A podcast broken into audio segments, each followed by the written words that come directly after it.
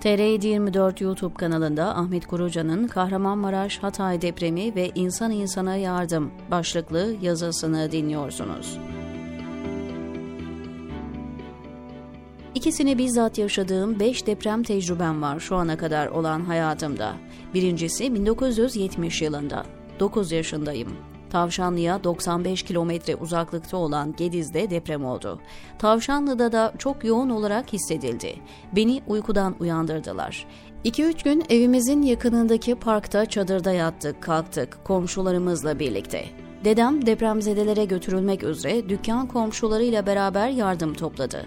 Toplanan yardımlar bizim dükkanın önünden bir kamyona yüklenip götürüldü. Bugünkü gibi hatırlıyorum. Dedem de o kamyonun kasasına binip gitti. İkinci deprem 1992 Erzincan depremi. Ramazan ayı.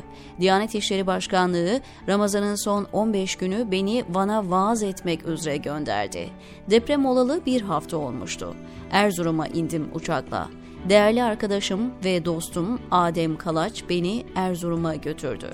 Acının, ıstırabın somutlaşmış halini ben orada gördüm depremin üzerinden bir hafta geçmiş olmasına rağmen enkaz kaldırma çalışmaları devam ediyor ve insanlar acaba bir canlıya daha ulaşabilir miyiz mucizesinin peşinden koşuyordu.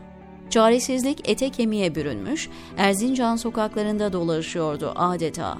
Yapılan yardımlarsa hiçbir şekilde gideni geri getirmiyordu. Üçüncü deprem 1999 Adapazarı Gölcük depremiydi. Amerika'daydım o zamanlar, kısa bir seyahat için. Deprem haberini alır almaz telefonlara sarıldık kaldığımız yerde. Herkes acaba eşimiz, çocuğumuz, akrabamız nasıl etkilendi depremden diye haber almaya çalışıyordu. Ailem o zaman İstanbul'da yaşıyordu. Çevresinde akrabaları da vardı. Çok kısa bir zaman sonra telefonla ailesine ulaşan bir insandan bizimkilerin de iyi haberini aldım bahçeye çıktıklarını ve geceyi bahçede geçireceklerini söylemişler. İlerleyen saatlerde ben de konuştum eşimle. Dakikaların saatler hükmünde olduğu o zaman diliminde öldüm öldüm dirildim. İstanbul'a döndüm kısa bir zaman sonra. Artçı depremler bir yıl devam edecek demişlerdi uzmanlar. Bir tanesini Zaman Gazetesi'nin Çoban Çeşme sokağındaki eski binasında yaşadım. Beşik gibi sallandı binamız. Kaç saniye sürdü deprem bilmiyorum ama bana saatler gibi gelmişti. Dördüncü depremi Japonya'da yaşadım. Arkadaşım Mustafa Bey ile gece programından sonra otele doğru gidiyoruz. Kırmızı ışıkta durduk. Deprem oldu ağabey dedi. Ben hiçbir şey hissetmemiştim. Hem de yanlış hatırımda kalmadıysa 6.7 şiddetinde dedi. Benimle dalga geçiyor sandım. Hemen bir arkadaşına telefon etti. Evet deprem olmuştu. Bir müddet sonra şiddet derecesini açıkladılar. 6.7. Maddi hasar meydana gelmemişti. Hiçbir şey olmamış gibi hayat kaldığı yerden devam ediyordu ve etti. Beşinci depremse işte bu Kahramanmaraş ve Hatay depremi. Ne Adapazarı Artçı depremi ne de Japonya gibi bizatihi yaşamadım. Ama medyaya düşen görüntüleri izledikçe sanki yaşamış gibiyim şu an. Neden diye sordum kendime. Empati duygumun yoğunluğu mu? Zannetmiyorum. O kadar empati duygumun engin olduğunu söyleyemem. Ülkeme ve insanımıza aidiyet hissimin beni sürüklediği bir durak mı? Buna da net bir şekilde evet cevabı veremem.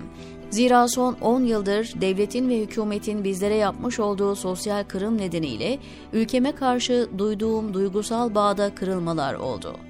İnsani, İslami, ahlaki ve vicdani bir vaziyet alış mı? İşte buna evet derim. Hem de gönül rahatlığıyla.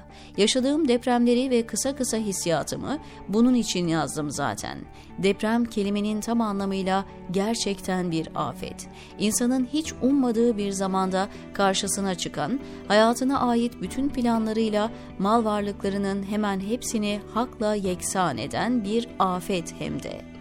Bırakın bunları canını, cananını kaybettiği afet.